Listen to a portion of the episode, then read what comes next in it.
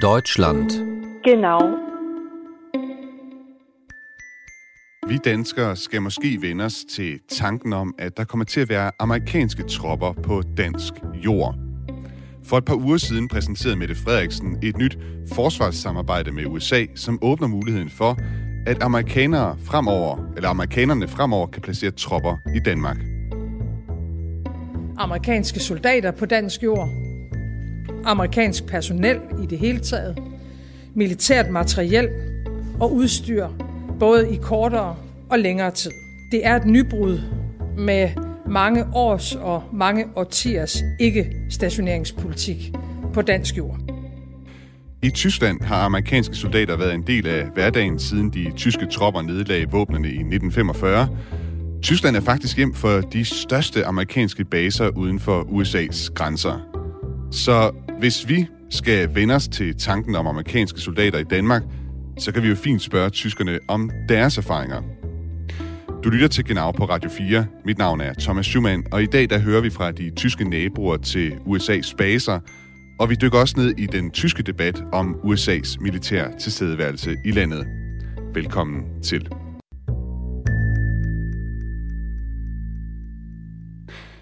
Vi starter hos en kvinde, som er vokset op med en af de amerikanske baser som nabo. Wie war es, mit einer amerikanischen Militäreinrichtung aufzuwachsen?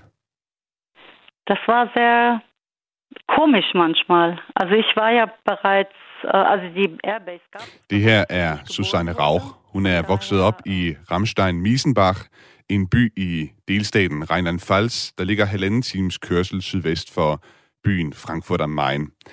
Der ligger den amerikanske, amerikanske base Ramstein Air Base med omkring 13.000 personer fra det amerikanske militær.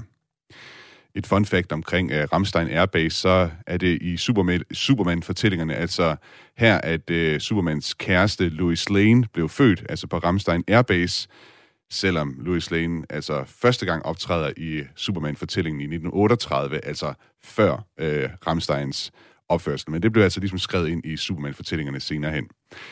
Susanne Rauch voksede op med den amerikanske luftbase under den kolde krig, og hun siger, at det var underligt for, og hun havde sådan en følelse af, at basen både virkede beskyttende og som en trussel. Also der Schutz bestand ja darin, dass ähm, wir immer das Gefühl hatten, solange diese Airbase dort ist, ähm, sind auch die Amerikaner da und wenn es zu einem kalten Kriegsausbruch käme, ähm, sind sie auf der einen Seite da. Hun fortæller, at de havde følelsen af, at så længe basen var der, ville amerikanerne også beskytte dem, hvis nu den kolde krig gik hen og blev varm. Men samtidig så ville basen nok også være et af de første mål, som russerne ville angribe. Samtidig så var der også en række terrorangreb mod basen, der blev begået fra den venstreekstreme øh, terrorgruppe Bader Meinhof i 70'erne og 80'erne. Des Öfteren, das war so Anfang der 70er Jahre, äh, Panzer durch unseren Ort rollten. Okay. Äh, bestimmt zehn Stück hintereinander und äh, wir wussten ja nie davon und äh, plötzlich war man in der Hauptstraße und man hörte ein Susanne Rauch fortæller, at det ofte var sådan i 70'erne, at der kørte kampvogne gennem byen. Sådan 10 stykker, der kom kørende efter hinanden, og de vidste ikke på forhånd, det ville ske, men pludselig så hørte man bare sådan en bulren ned af hovedgaden. Det var meget skræmmende som barn.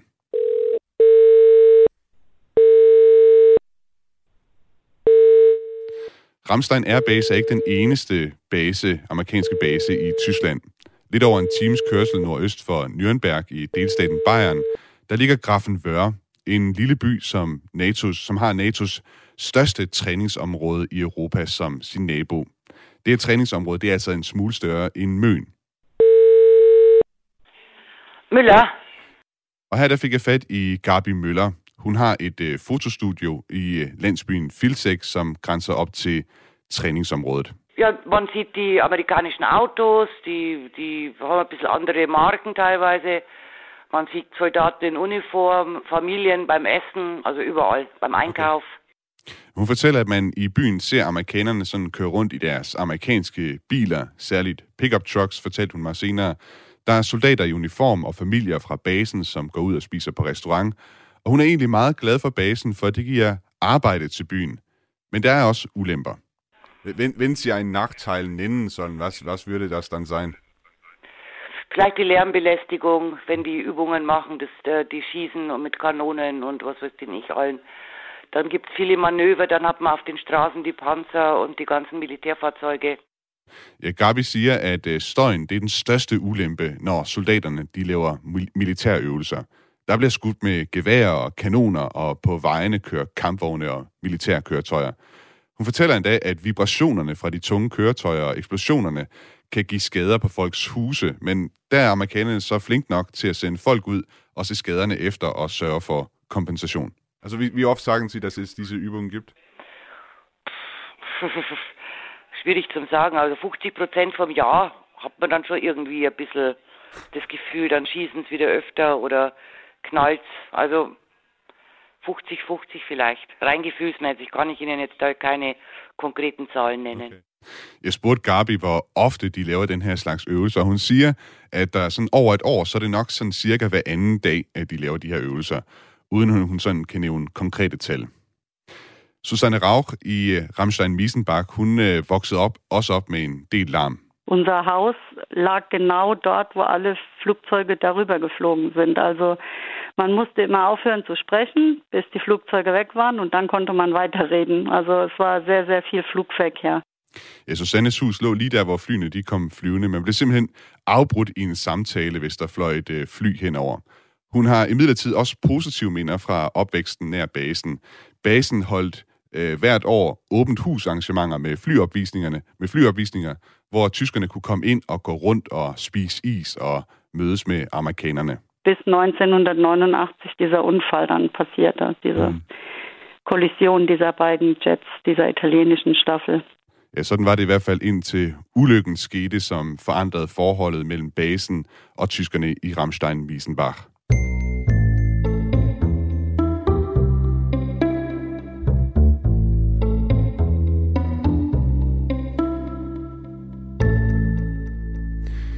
Vi vender senere tilbage til Susanne Rauch og hvad det var for en ulykke, hun oplevede i Ramstein. Og så skal jeg huske at sige til lytterne derude, at I selvfølgelig er velkomne til at sende sms'er ind undervejs i programmet med jeres spørgsmål, indspark eller kommentar. I øh, skriver ind på sms'en ved at skrive til nummeret 1424.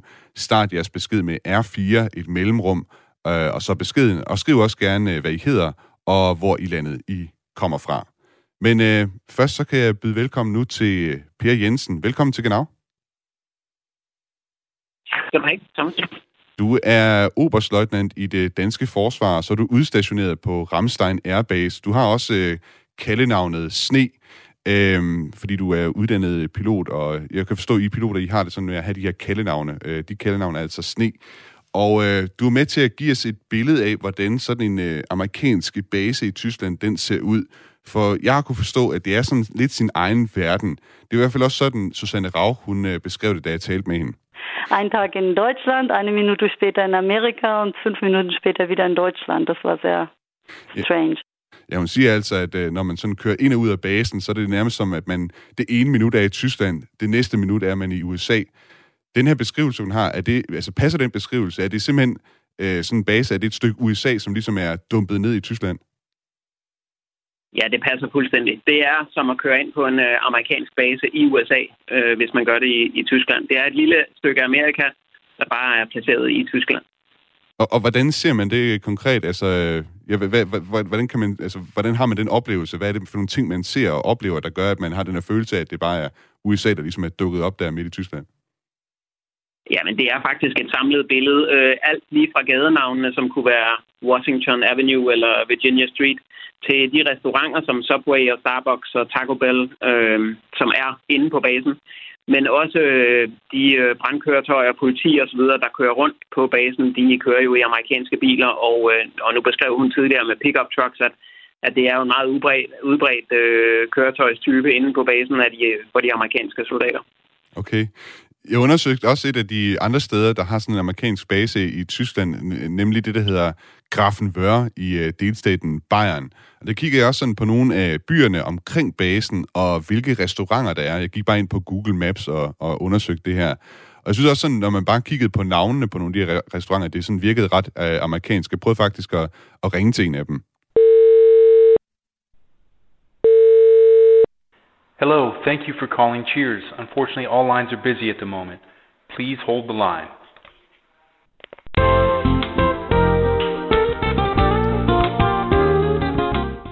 Jeg prøvede altså at ringe her til restaurant Cheers i øh, den, den landsby, der hedder Filsæk, som ligger lige uden for basen i Grafenvør. Jeg fik desværre ikke øh, fat i nogen. Det var telefonsvar, men man kunne altså høre, at telefonsvaren var på øh, engelsk. Er det også sådan i Ramstein, at den amerikanske indflydelse, den, altså den lige så tydeligt ses øh, uden for basen, som den også ses øh, inde på basen?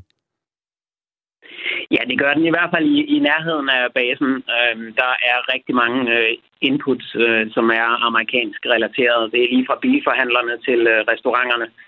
Men det er jo også et, øh, et stort antal amerikanere, der er. Jeg tror, vi er på omkring 25.000, der arbejder på basen og med familier. Der bor rigtig mange af dem jo øh, rundt omkring basen, og derfor sætter de et ret stort øh, fodaftryk på, på lokalsamfundene omkring baserne. Hvad er det for nogle øh, forretninger, sådan noget, familierne her, de øh, har til rådighed øh, inde på basen? Jamen, inde på basen, der har de øh, alt det, som der vil være i et amerikansk samfund. Det vil sige, supermarkederne, de får fløjet friske varer ind øh, dagligt fra USA, så, så det her supermarked Commissary, som det hedder, de har alle de ting, som amerikanerne kunne forestille sig at ville købe i USA. Dem kan de også købe på, øh, på baserne i Tyskland. De skal selvfølgelig have øh, deres kalkun til Thanksgiving og deres burger til 4th of July, sådan at de føler sig hjemme. Okay. Og jeg kan også forstå, at øh, de amerikanske soldater, de, de behøver nærmest slet ikke at, at veksle penge, før de bliver udstationeret i Tyskland. Nej, det er rigtigt. Alt inde på, øh, på basen, inden for hegnet, det bliver afregnet i, øh, i dollar. Uanset om det er supermarkedet, om det er restauranter, eller det er tankstationerne, man øh, besøger, så er det US dollar, der bliver brugt på baserne. Så hvis nu, øh, at man blev udstationeret, du er blevet udstationeret dernede, og du slet ikke forlod øh, basen på noget tidspunkt, altså, hvor meget Tyskland vil du så overhovedet opleve? Altså, der er jo øh, i øh, det shopping mall, kæmpe shopping mall, der fører der på basen, der er øh, tyske forretninger som Birkenstock eller øh, Kette Wohlfahrt øh, juleudsmykningsting, som man kan købe. Øh, og selvfølgelig kan man købe alle de traditionelle tyske souvenirting, som ølkrus og, og tirolerhatte. Men øh, ellers så skal man jo uden for basen, hvis man vil opleve det rigtige Tyskland. Per Jensen, altså med kættenavnet Sne. Tak fordi du var med i øh, Genau i dag. Selv tak. Oberstløjtnant og udstationeret på Ramstein Airbase.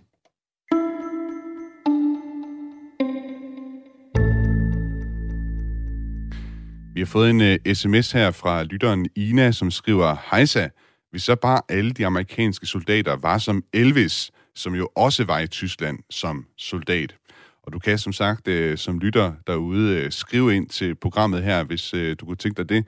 Du skriver ind på nummeret 1424. Start din besked med R4, et mellemrum, og så din besked.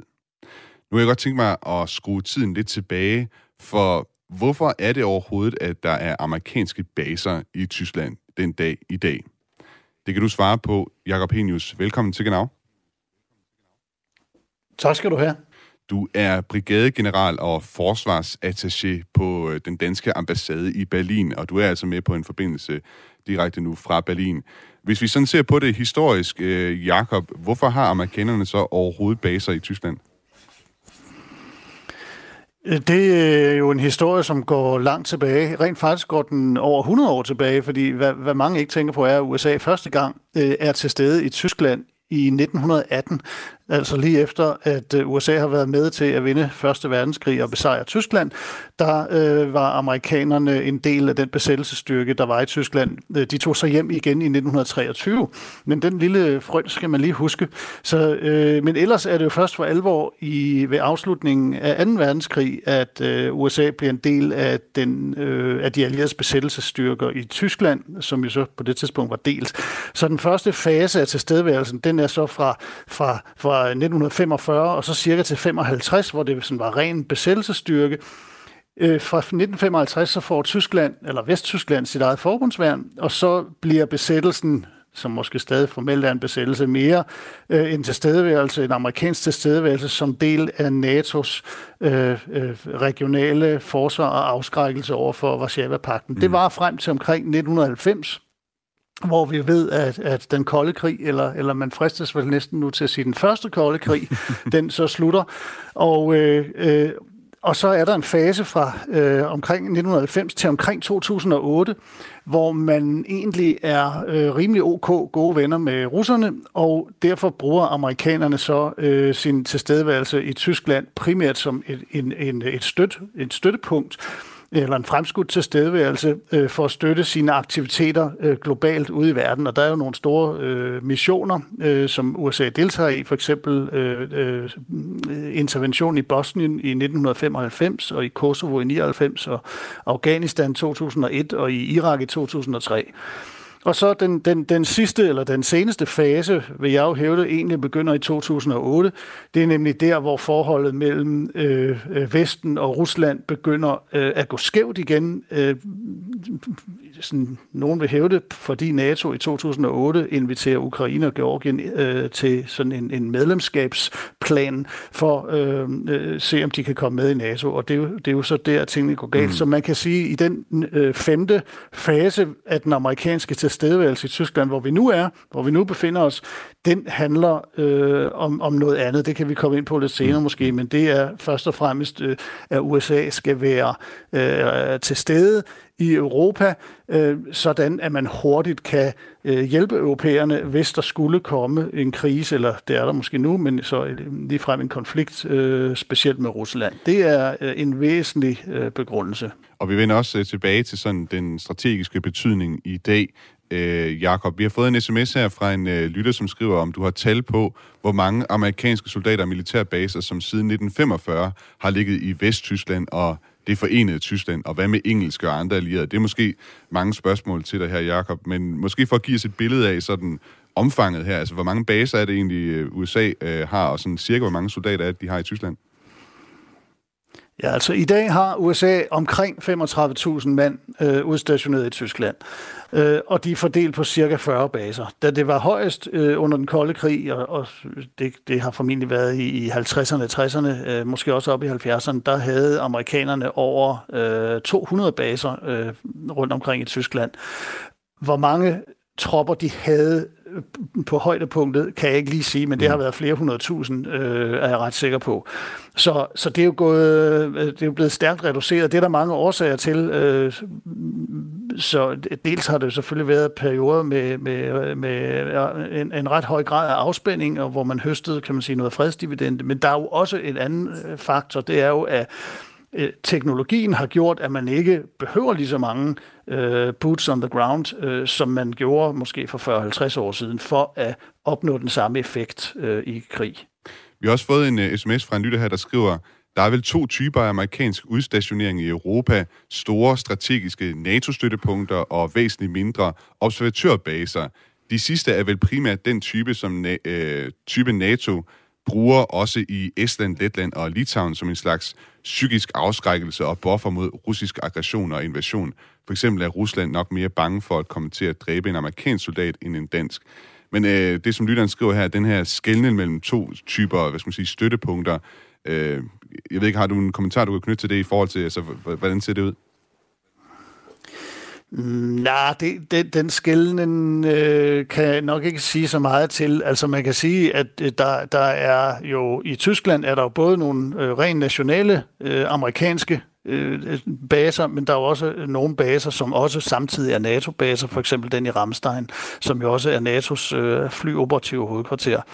Øhm, og så der kan grænserne måske godt flyde lidt sammen. Men øh, nej, jeg, jeg, vil nok ikke, øh, jeg vil nok ikke øh, skælne på den måde, som, som lytteren gør der. Øh, man kan sige, den tilstedeværelse, som, som man har over i Baltikum og i Polen, det er jo det, der hedder Enhanced Forward Presence. Og øh, den handler jo først og fremmest om, at, at NATO opstiller det, man kunne kalde sådan en snubletråd eller en tripwire, øh, sådan at øh, Rusland ved, at hvis man øh, skulle gå ind i et øh, fuldgyldigt NATO-medlemsland, øh, så kan man ikke undgå at øh, komme i kamp, øh, eller i hvert fald blive konfronteret med øh, NATO-styrker, og at det, det skal bidrage til afskrækkelsen. Øh, USA, det skal vi så også huske, en, en, en del af de øh, tropper, som USA har flyttet ud af Tyskland i tidens løb, er jo øh, nogle af dem i hvert fald flyttet øh, for eksempel til Polen. Mm. Så USA kan jo også bruge Tyskland, øh, eller sine baser i Tyskland, til at, at skrue op og skrue ned for sin tilstedeværelse. Mm. Jakob Henius, øh, vi vender tilbage til dig øh, senere i udsendelsen, og vi vender også øh, tilbage til sådan de holdninger, der er i tysk politik til de her amerikanske baser i Tyskland. Men først så skal vi høre mere fra Susanne Rauch og den ulykke, som hun oplevede i Ramstein.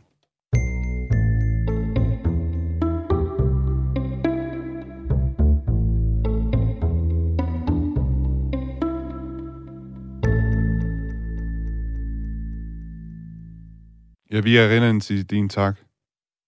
Schlimm. Ja? Ich war damals 19 Jahre alt und äh, war auch dort und äh, wir haben uns zum Glück nicht dort aufgehalten, hvor vi normalerweise var, nemlig unten an der Flugbahn. Jeg spurgte Susanne Rauch, hvordan hun oplevede den 28. august 1988, da der var et åbent hus arrangement, som der dengang plejede at være hvert år med flyshow og is og udveksling mellem amerikanere og de lokale tyskere. Hun var på det tidspunkt 19 år, og hun siger, at det er et slemt minde, hun har for den dag. Heldigvis, siger hun, så opholdt hun og familien sig ikke der, hvor de plejede, nemlig nede ved landingspladsen.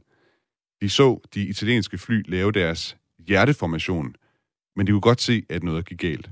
Es gab einen riesen Knall und riesen Hysterie und äh, wir sind dann nur noch gerannt um aus dieser Airbase rauszukommen, weil wir wussten, die werden jetzt alles abriegeln, weil nicht klar war, ist es ein Anschlag gewesen, var das ein Fehlverhalten vom Piloten oder was auch Der lød et kæmpe brag, og der udbrød panik. Folk løb deres vej, og man vidste ikke, om det var et angreb eller en ulykke. Der var mange døde og mange sårede, også folk, som Susanne kendte. Faktisk så døde der 70 mennesker i den her ulykke, og omkring 1000 mennesker blev såret. Det, der skete, var, under det her flyshow, som øh, blev afholdt på basen, at der var en, øh, et hold italienske piloter, som lavede en særlig formation, den her såkaldte hjerteformation.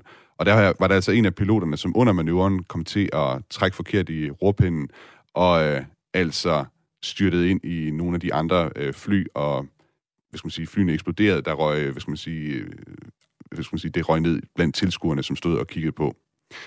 Ramstein-ulykken er nok noget af det, som basen her er mest kendt for.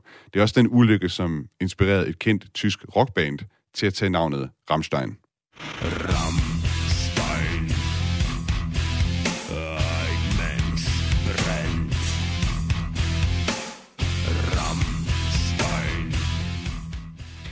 Men øh, ulykken påvirkede ikke kun tysk musik. Den påvirkede også forholdet mellem indbyggerne i Ramstein-Wiesenbach og den amerikanske militærbase.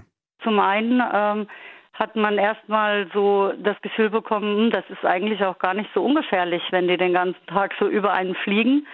Das war einem so als Jugendlicher früher so gar nicht bewusst gewesen. Und ähm, zum anderen var von dem Tag an... Susanne Rauch siger, at ulykken pludselig gav folk følelsen af, at det ikke var så sikkert med alle de fly, som fløj ind og ud af basen. Det havde man ikke sådan rigtig tænkt over før. Basen blev simpelthen et tabu for Susanne. Der var ikke længere åbent hus arrangementer, og der var ingen mulighed for at holde fester med amerikanerne. Das war sehr schade eigentlich, weil damit hat sich auch so eine Tür geschlossen zur Verbindung mit den Amerikanern. Det var ærgerligt, siger Susanne, for på den måde så lukkede døren, for, lukkede døren sig for en forbindelse til amerikanerne. Kontrollen, når folk de skulle ind og ud af basen, den blev også meget, meget strengere og efter den 11. september, der blev det endnu værre. Jeg spurgte Susanne, hvordan tyskerne i dag tænker om basen. Das ist ähm, sehr geteilt. Also die einen, äh, ich habe äh, auch gestern gesagt, eine Hassliebe ist das. Also äh, die einen, die äh, finden das ganz toll und die lieben selbst auch Amerika und die Amerikaner und die versuchen... Hun fortæller, at det er meget delt. Faktisk lidt af et had-kærlighed-forhold. Der er nogen, som elsker USA og alt amerikansk og deres måde at leve på, mens andre mener, at der er meget, som bliver ødelagt af basen. Huslejen i området er meget høj i byen, selvom folk ikke tjener særlig meget. De amerikanske soldater de kan simpelthen betale meget mere for boliger, end de tyskere, der bor der, kan.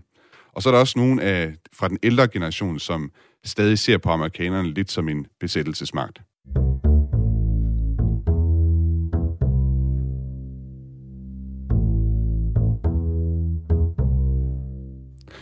Tyskland er egentlig et fredselskende land, men tyskerne har altså også lagt hus til USA's største militærbaser i udlandet.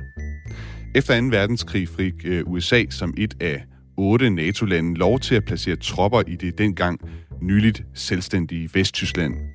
Der er stadig 40 amerikanske militærinstallationer i Tyskland, og knap 40.000 personer, der hører under betegnelsen amerikansk militærpersonel. Det har selvfølgelig udløst politisk debat i Tyskland, og det spiller også ind i den aktuelle krise mellem Rusland og, Vest og Vesten. Det dykker vi ned i lige om lidt. Jeg skal huske at sige til folk derude, at øh, hvis I godt kunne tænke jer sms ind, så skriv ind på sms'en 1424, start jeres besked med R4 og et mellemrum, og så jeres besked. Skriv også gerne jeres navn og hvorfra i landet I skriver. Jeg kan lige øh, læse et øh, par sms op, vi har fået her undervejs i udsendelsen. Vi har fået en sms her fra Inger, der skriver, som et meget lille land kan vi nok ikke sammenligne de kommende amerikanske baser i Danmark med de amerikanske baser i Tyskland. Den yderste venstrefløj i Danmark er, er vel heller ikke særlig begejstret for det danske tiltag. Så har vi fået en sms her fra Claus, der skriver, så engang samme italienske opvisningsteam på Hedengangene flyvestation i Værløse. Bemærkede mig, de sigtede efter udgangene. Som sagt, du kan altså sms ind ved at skrive ind til nummer 1424. Start din besked med R4 og et mellemrum.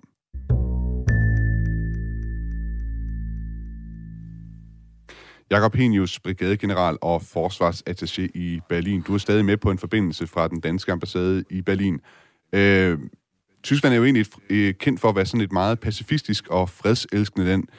Hvor kontroversielt er de her amerikanske baser i tysk politik? Ej, jeg synes, øh, nu har jeg været her i halvandet år, jeg synes, øh, for at sige det sådan lidt karikeret, det er ikke noget issue. Øhm, der, der, der, altså, min oplevelse er, at det er en fuldstændig øh, accepteret del af, øh, ja, af det tyske samfund, at de her baser øh, de findes. Øhm, og, og man er jo også godt klar over, at øh, det hjælper jo øh, Tyskland, øh, det, det hjælper jo Tyskland selv, og det hjælper øh, Vesten, og det hjælper Europa at have en amerikansk øh, tilstedeværelse, sådan skal vi sige lige ved hånden, som, som, som kan skrues op og kan skrues ned. En gang imellem, så popper der selvfølgelig noget utilfredshed op. Vi hørte øh, tidligere jo i, i dit interviews her, øh, øh, at øh, nogle tyske borgere øh, kan føle sig generet af støjen fra, fra nogle af baserne, og det er selvfølgelig klart, øh, at, at, at det, øh, det, det kommer op en gang imellem. Der har også været en retssag øh, sidste år, tror jeg det var, hvor en, øh, jeg mener det var en irakisk borger, øh, havde lagt sagen øh, i forbindelse med, at man mente, at øh, amerikanerne havde opereret øh, bevæbnede droner fra Ramstein-basen, og de, sådan en drone havde så øh, øh, ramt øh, nogle medlemmer af hans familie, der var blevet dræbt i Irak.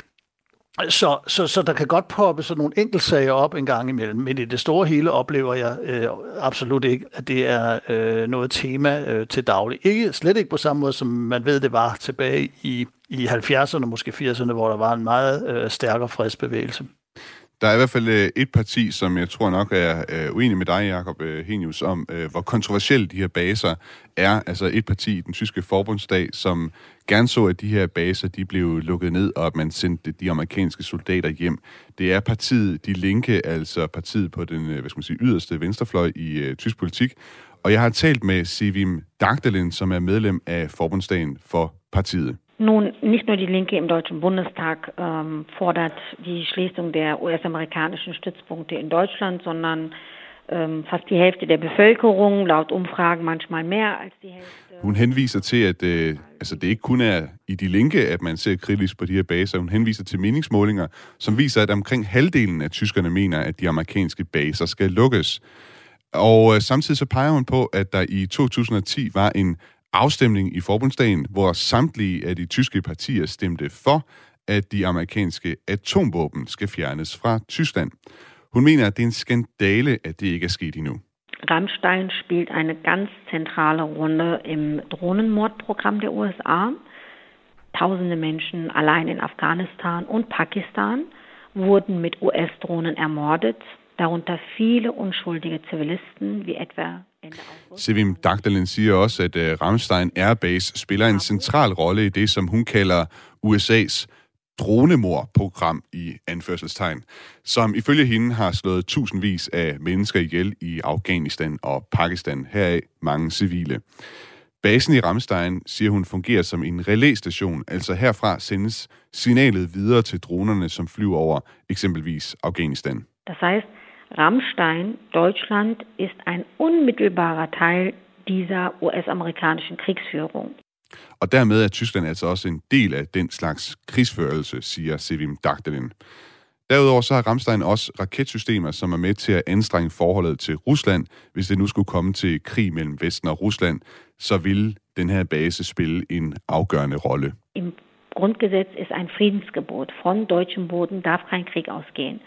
Und die Schließung der Stützpunkte und der Abzug der US-Soldaten wäre aus meiner Sicht ein Beitrag zu einer konsequenten äh, Umsetzung dieses Friedensgebot aus dem Grundgesetz und ein, äh, eine konsequente Politik der Abrüstung. Ja, Sevim Dagdelin påpeger, at der i den tyske grundlov står, at der ikke igen må føres krig fra tysk jord, og i hendes øjne, så skulle man altså lukke baserne og sende tropperne hjem, hvis man gerne vil leve op til grundloven og sikre fred og afrustning. Da jeg talte med Susanne Rauch fra Ramstein Miesenbach og Gabi Müller fra Filsek tæt på Grafenwør, så sagde de begge to, at der faktisk er mange lokale tyskere, som er glade for baserne og arbejder på baserne. Så jeg spurgte Sevim Dagdalen, hvad der så skal ske med baserne, hvis nu det lykkes de linke at få dem lukket. Wir wollen natürlich Arbeitsplätze erhalten, wir wollen die Kasernen dann umbauen, wir wollen, wir haben überall in Deutschland Wohnungsmangel äh, oder auch Mangel an Einrichtungen, Häusern, Infrastruktur für soziale Einrichtungen. Dafür kann man das alles umwandeln. Ja, hun siger, at de selvfølgelig gerne vil beholde arbejdspladser, og at baserne skal bygges om. Hun siger, at der er stor boligmangel i Tyskland og mangel på socialt boligbyggeri, og det kunne man lave fint på de her nedlagte baser. Samtidig så mener hun ikke, at det kan være rigtigt, at uh, tyske jobs skal være afhængige af USA's militær og det, som hun kalder dronemors centraler. Die Frage ist doch, für was wollen wir denn leben? Wollen wir nicht lieber für das Leben und äh, äh, produzieren äh, und dem dienen, äh, statt eben dem Tod? Ja, som hun siger, spørgsmålet er, hvad vil vi leve for? Vil vi leve for livet og for at skabe, altså for at skabe i stedet for at skabe død? Jakob Henius, brigadegeneral og forsvarsattaché i øh, Berlin i, øh, på den danske ambassade. Sevim Dagdalin her, hun er inde på, at der er amerikanske atomvåben i Tyskland. Det var faktisk noget, der overraskede mig. Jeg troede, de var blevet trukket tilbage efter den kolde krigs øh, afslutning. Hvad er det for nogle atomvåben?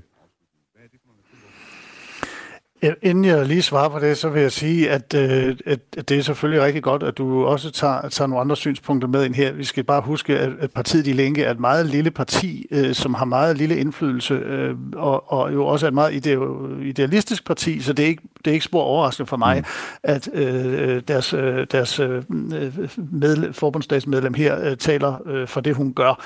Men tilbage til dit spørgsmål. Jamen, det er rigtigt. Altså, der er i Tyskland øh, oplagt nogle kernevåben eller atomvåben, øh, som er en del af NATO's fælles kernevåbenkoncept, og det er sådan, at rundt omkring i Europa, blandt andet i Tyskland, også i Belgien og Holland og Italien, så vidt jeg husker, der er der oplagt nogle amerikanske øh, atomvåben, som USA i tilfælde af en konflikt kan frigive til NATO, og NATO øh, nogle af NATO's medlemslande kan så flyve øh, øh, med de her atomvåben og, og så øh, kaste dem mod øh, udvalgte mål.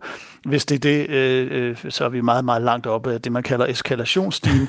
og der ligger som sagt øh, et, et, et antal af de her øh, bomber. Det er sådan, kan man sige, gammeldags flybomber. Det er ikke, det er ikke missiler eller raketter, ja. det er bomber, som skal smides fra et fly. Øh, de ligger oplagt øh, i Tyskland, øh, og det er tyske fly og tyske piloter, som i givet fald kan øh, levere dem. Men jeg synes, det er, en, det er også en interessant øh, konflikt, der ligger i, hvad skal man sige, i øh, det, som Sevin Gardalin øh, taler om, grund, øh, den tyske grundlov, der må ikke øh, udgå krig fra, fra tysk jord øh, igen. Altså det er ligesom det der læren fra, hvad skal man sige, 1945 øh, og det tredje rige, ikke? Men altså, ret beset, hvis det kommer til en, en eskalation mellem øh, Vesten og Rusland, så kommer der vel til at blive ført krig for de her baser? Jamen uden tvivl. Altså, øh, øh, øh, altså hvis NATO øh, føler sig tvunget til på et tidspunkt hvis, at, at aktivere det, der hedder artikel 5, det vil sige, at hvis et NATO-land er blevet angrebet, så er det betragtet som et angreb på alle, så vil Tyskland selvfølgelig også blive inddraget, og så vil der også blive øh, øh, udført operationer fra tysk område. Det kan være med øh, altså amerikanske enheder eller amerikanske fly, det kan være med tyske, øh, og det kan også være, at man skal øh, øh, flytte øh, enheder fra Tyskland øh, og over østpå eller i andre retninger. Så helt klart, øh, Tyskland kan ikke undgå at blive kan man sige, inddraget, og herunder også selvfølgelig potentielt blive et mål. Det gælder jo for alle NATO-lande, øh, at alle militære baser øh, i, i alle NATO-lande er jo potentielle mål øh, for, for russiske øh, missiler eller flyangreb, hvis der kom en konflikt imellem øh, øh NATO og Rusland. Jeg vil lige sige, øh, nu nævnte du det her med, at øh, De Linke er et øh, forholdsvis lille parti. Det er jo rigtigt, de faktisk fik de ikke mere end 5% af stemmerne til forbundsdagsvalget, som normalt er spærregrænsen til forbundsdagen. Jeg tror, de fik 4,9. De kom så alligevel i forbundsdagen, fordi de fik nogle direkte mandater og så videre. Bare lige så vi også har størrelsen på partiet sådan på plads. Jeg har også haft mulighed for at tale med Ralf Hechler. Han har siden 2016 været borgmester i Ramstein Miesenbach for partiet CDU. Ja, mein Name ist Ralf Hechler. Ich bin der Bürgermeister der Stadt Ramstein-Miesenbach und in Personalunion auch der Verbandsgemeinde Ramstein. Ja, jeg talte selvfølgelig med Ralf Hechler også øh, på baggrund af det, som jeg havde talt med Sevim Dagdelin om, og jeg spurgte ham, hvordan han har det med at bo ved siden af det, som Sevim Dagdelin kalder dronemors centraler. Die Diskussion wird ja schon einige Jahre geführt. Dazu kann ich Ihnen nichts sagen, weil ich das nicht weiß. Es wird immer behauptet, allerdings äh, ist es bislang auch noch nie belegt worden. Äh, es geht ja nicht darum, dass, äh, dass Rammstein den Drohnenmord steuert, sondern es, geht um... Ralf Hechler, han siger, at det, det er en diskussion, som har kørt længe, men at han, at han rent faktisk ikke ved, om basen faktisk bliver brugt til droneangreb. Han har hørt den her kritik fra De Linke før, og så har der endda været demonstrationer foran basen, og man kan have forskellige meninger om det, og han vil også se kritisk på det, hvis det nu bliver bevist, at det rent faktisk øh, foregår sådan noget inden fra Ramstein Airbase. Men spørgsmålet er, hvad konsekvensen så skal være. Die Folge bzw. die Konsequenz daraus zu sagen, äh, wir schließen Rammstein und treten aus der NATO aus, das empfinde ich persönlich als Unsinn. Ja, hvis konsekvensen skulle være, at man så skulle lukke basen og træde ud af NATO, det mener Ralf Hechler ville være tåbeligt. Jeg sagde også til Ralf Hechler, at De Linke foreslår, at baserne skal laves om til boliger i stedet, og jeg spurgte ham, hvad han synes om den idé. Altså, ich lade Sie gerne mal ein, auch die äh, Abgeordneten des Bundestages, sich das mal anzuschauen und ähm, dann eine Umwandlung einer militärischen Liegenschaft in Wohnungen äh, im ländlichen Raum. Wir sind hier in Rheinland-Pfalz. Äh, ja, Ralf Hechler, han vil gerne invitere medlemmerne af forbundsdagen til at komme forbi og få syn for sagen, for han kan ikke forestille sig, at det vil løse problemet med boligmangel. Folk skal også gerne have et arbejde, siger han. Der er mange virksomheder, som kun kan løbe rundt i Ramstein-Miesenbach, fordi der bor så mange soldater på basen. Wenn Sie das morgen schließen, dann kann man das tun. Da muss man einen guten Plan haben, um das dann auch umzuwidmen. Und dann glaube ich, dass das ähm, Jahre, wenn nicht Jahrzehnte dauern würde, wenn man das eins zu eins in Wohnflächen oder auch Gewerbeflächen... Hvis man lukkede basen i morgen, så skulle der være en god plan for, hvordan det kan lykkes. Og det vil ifølge Ralf Hechler tage mange år, jeg vil sige årtier, før, der kan laves, øh, før det kan laves om til boliger og til erhverv. Måske en civil lufthavn. Jeg spurgte også uh, Ralf Hechler, om han har et godt råd til danske borgmestre, hvis de skal forberede sig på at få amerikanske tropper som nabo. En guten Tipp kann ich nur sagen, äh, sich an die Landes- und Bundespolitiker in, in Dänemark zu wenden, weil der Ortsbürgermeister, so wie ich auch, werden in der Regel nicht gefragt. Ja, man skal altså gerne have gode forbindelser til landspolitikerne, for som regel så er det altså ikke en lokalborgmester, som bliver involveret i spørgsmål om de her baser.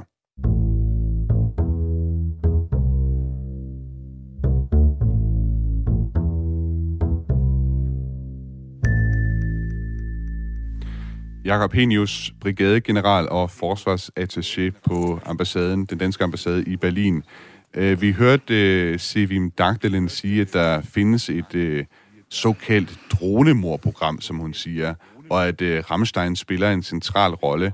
Men borgmesteren, som jeg lige, lige hørte fra her, han siger, at han har ikke hørt noget om det. Han mener faktisk slet ikke, det er bevist, at der findes sådan et program. Hvad er op og ned i det her?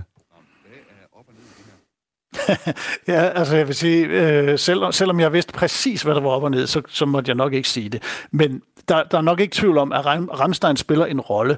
Hvad enten det er øh, som relæstation eller øh, et sted, hvor man eventuelt øh, analyserer indkommende øh, øh rapporter fra, fra øh, overvågningsdroner, øh, eller om hvorvidt man ligefrem sidder på Ramstein øh, og, og styrer dronerne.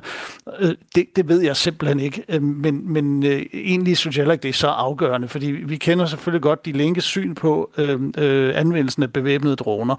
Øh, og i, uanset hvad, så øh, kom, kommer det jo til at fortsætte, må, må vi nok regne med, i hvert fald så længe at USA er aktiv øh, ude i verden, øh, som de jo også for eksempel stadigvæk er i, i Irak. Når det er sagt, så skal man lige huske, at den nye tyske regering, som tiltrådte her i december, jo i sin regeringsaftale selv har skrevet, at Tyskland nu også skal anskaffe bevæbnede droner. Så øh, det kommer jo til at blive lidt vanskeligt at sige, man vil ikke have, at amerikanerne gør det, men man vil gerne selv gøre det. Vi har fået nogle øh, sms'er her, Jakob, fra vores øh, lyttere. Jeg gerne lige vil læse op. Vi har fået en sms her fra Jens Jensen fra Aarhus, der skriver, for bare amerikanske baser på Sjælland. Vi andre går med jysk hjemmestyre, med russisk anerkendelse og fredsbevarende tropper. Og så har vi fået en øh, uh, sms her fra Elo Kirkegaard, der skriver, tak for et altid interessant program. Regeringens planer om USA-tropper på dansk jord er en utryghedspakke og det er fatalt øh, fejltrin at øh, bære ved til bålet, skriver Ilo Kirkegaard her altså. Jeg tænker, øh, Jakob Henius, øh, hvis det nu bliver sådan, at øh, der kommer øh, amerikanske soldater til, øh, til Danmark, så bliver det vel næppe i det omfang, som øh, man kender til det i Tyskland med de baser, de har dernede.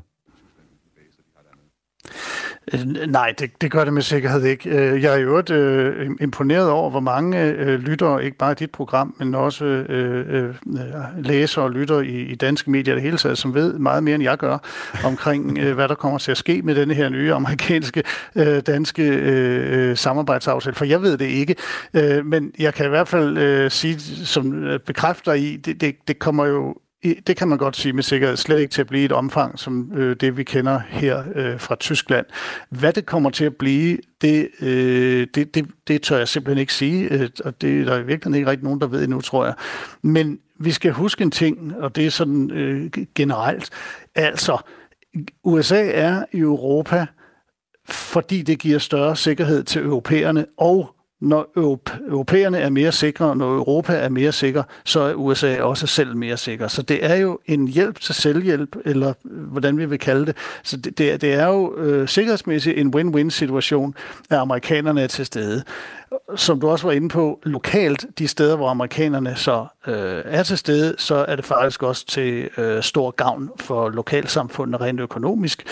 I, vi talte før om, at der er cirka 35-40.000 amerikanere i Tyskland, vi skal huske, at hver af dem, eller mange af dem, har familierne med, så i praksis så er det måske øh, langt over 100.000 amerikanere, som opholder sig i Tyskland alene på grund af den amerikanske militære tilstedeværelse. Det genererer selvfølgelig øh, en masse arbejdspladser, altså også øh, øh nationale tyske arbejdspladser. Tilsvarende vil det, øh, hvis, hvis USA skal være til stede i Danmark med personel fast, øh, tror jeg også, også kunne blive til fordel for de lokale samfund. Nu så vi øh, i går, at øh, den russiske præsident øh, Vladimir Putin var ude og anerkende de her to østlige ukrainske regioner, Donbass og Luhansk. Øh, og det er jo flere steder, som jeg har læst i hvert fald, blevet set som lidt af en, lidt af en kriserklæring i virkeligheden. Altså nu kan der komme øh, russiske tropper ind i, i de her østlige ukrainske områder. De her tyske baser, hvis vi siger, at det, at det bliver ved med at eskalere den her konflikt, hvad, strategisk, hvad bliver den strategiske rolle for de her øh, tyske eller de amerikanske baser i Tyskland så? Jamen den rolle, øh, det, og det har vi allerede set nu i det forløb, der har været inden for de seneste øh, par måneder, det er jo, at USA blandt andet kan bruge de her baser til at øh, øh flyve tropper ind fra USA øh, og, øh, eller flytte tropper fra Tyskland og for eksempel over til Polen eller til øh, øh, andre steder i Østeuropa. Så de fungerer, baserne fungerer mange af dem som et, et, et, et, et du kan godt sige et trafikknudepunkt, øh, hvor, som USA kan anvende, når de skal øh, flytte styrker det kan selvfølgelig også, hvis, hvis det kommer til, at USA vil øh, lave en øget øh, tilstedeværelse i luften, altså med, med øh, patruljefly og så videre, så øh, vil man også kunne operere fra øh, altså nogle af de operationer fra, fra øh, sine baser i Tyskland. Jakob Henius, altså brigadegeneral og forsvarsattaché øh, på ambassaden, den danske ambassade i Berlin. Øh, vi har også, øh, det er også sådan, at USA har placeret sit US European Command hovedkvarter i Stuttgart. Det er altså et hovedkvarter, der koordinerer samtlige amerikanske militærstyrker på tværs af 51 lande. Hvad siger det om den strategiske betydning, at øh, de altså har placeret det i Tyskland? Jamen, det er jo, det, det, det, det, det, det siger jo øh, rigtig meget. Det er jo et samplaceret også med det hovedkvarter, som, eller fusioneret med det hovedkvarter, der også styrer øh, amerikanske øh, operationer øh, på det afrikanske kontinent. Så øh, det er øh, både, både øh, sådan med hensyn til fly og styrker, så er øh, Tyskland et knudepunkt, men også med hensyn til ledelsen af dem, altså med netop det her store øh, europæiske hovedkvarter, som man har i Stuttgart. Så det er øh, meget vigtigt. Et hovedkvarter, kan man sige, det kan man selvfølgelig øh, sådan, øh, flytte andre steder hen, men det er øh, meget velplaceret øh, for amerikanerne, og specielt nu, i den her øh, nye verdensorden, eller anden kolde krig, som vi vel snart kan kalde det, så øh, er man også meget velplaceret øh, i Tyskland.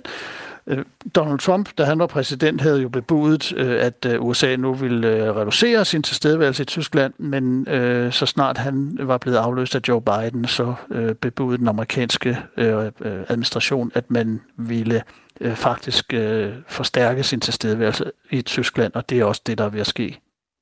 Jeg kunne godt tænke mig at blive lidt ved øh, det, du nævnte her med Donald Trump, for det var sådan tilbage i 2018, at øh, de amerikanske baser blev sådan lidt en presbold, kan man sige, mellem, mellem USA og Tyskland. Donald Trump var jo utilfreds med, at Tyskland ikke levede op til øh, NATO-målet om, at man altså bruger 2% af sit BNP på øh, forsvarsudgifter, og derfor så troede han altså med at trække soldater hjem til USA, altså simpelthen øh, blandt andet ramme også lidt Tyskland på sin økonomi. Vi har hørt en del om, hvordan at de her baser også øh, lokalt i hvert fald spiller en rolle for, for økonomien øh, og, og livet i de her byer.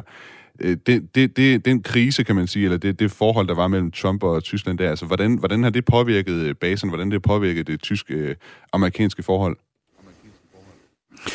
Jamen altså, mens det stod på, så, så påvirkede det det jo, men, men altså, øh, jeg registrerede også dengang, øh, hvor Trump stadig var præsident, at man så det temmelig afslappet her i Tyskland, og øh, måske ventede på, at det gik over, øh, ventede på, at Trump blev afløst, eller, og i alle tilfælde tror jeg egentlig, at øh, narrativet var, jo jo, men, men USA har jo brug for Europa, og USA har brug for Tyskland, og har derfor brug for at være militært til stede den amerikanske overvejelse var jo under Trump, jamen øh, de her styrker, vi har i Tyskland, dem kan vi så flytte til for, til for eksempel Belgien og til Italien. Men det er jo ikke noget, man lige gør, øh, og øh, rent bortset fra, at, at de andre lande skal jo også acceptere øh, at få øh, amerikanske, nye amerikanske baser. Så ja, man havde meget ro på, i hvert fald øh, politisk her i Tyskland, og jeg tror også i de lokalsamfundene, og så gik det jo altså også over øh, da, øh, med præsidentvalget. Men det er klart, at øh, Trump kan jo komme tilbage som præsident, eller en, der ligner ham, og øh, så øh, har vi en ny situation, specielt hvis Tyskland til den tid øh, stadig ikke leverer på det her 2%-mål, du nævnte. Så det er ikke noget, der har påført øh, varige skader, så at sige, på det tysk-amerikanske forhold? Nej, det mener jeg overhovedet ikke. Øh, I øjeblikket øh, oplever jeg, at det er helt, øh, øh, om ikke gået i glemmebogen, så i hvert fald parkeret øh, meget, langt, øh, meget langt væk. Og så øh, har man det selvfølgelig i baghovedet øh, i forbindelse med det næste amerikanske præsidentvalg. Jeg ved også, at øh, basen i Ramstein øh, blev brugt til at, øh, sådan midlertidigt i hvert fald, til at huse afghanske flygtninge, da Taliban overtog øh, Kabul. Øh, hvorfor, hvorfor var det den base, der blev brugt til det? Jamen, det er fordi, det er den største militærflybase, som USA råder over, og der er, en kolo, der, er, der er meget plads sådan rent fysisk, og det vil sige, at den har også været velegnet til øh, at, at øh, have plads og underbringe øh, de her mange øh, afghanske øh, og andre, som blev evakueret ud fra Afghanistan. Øh, samtidig har man på basen, fordi den er så betydningsfuld, en meget stor øh, logistisk støtteapparat. Man har blandt andet også, så vidt jeg husker, et stort militærhospital. Man har en masse øh, logistiske installationer. Øh, så der har ligesom været det øh, setup, der skulle til at huse en masse øh, ekstra mennesker for en periode. Det har sikkert ikke været nemt. Det er jeg ret sikker på, at det ikke har været, men det, det lykkedes. Jakob Hinius, tak fordi at du øh, var med i Genau i dag. Selv tak. Altså brigadegeneral og forsvarsattaché i øh, Berlin nede på den øh, danske ambassade dernede.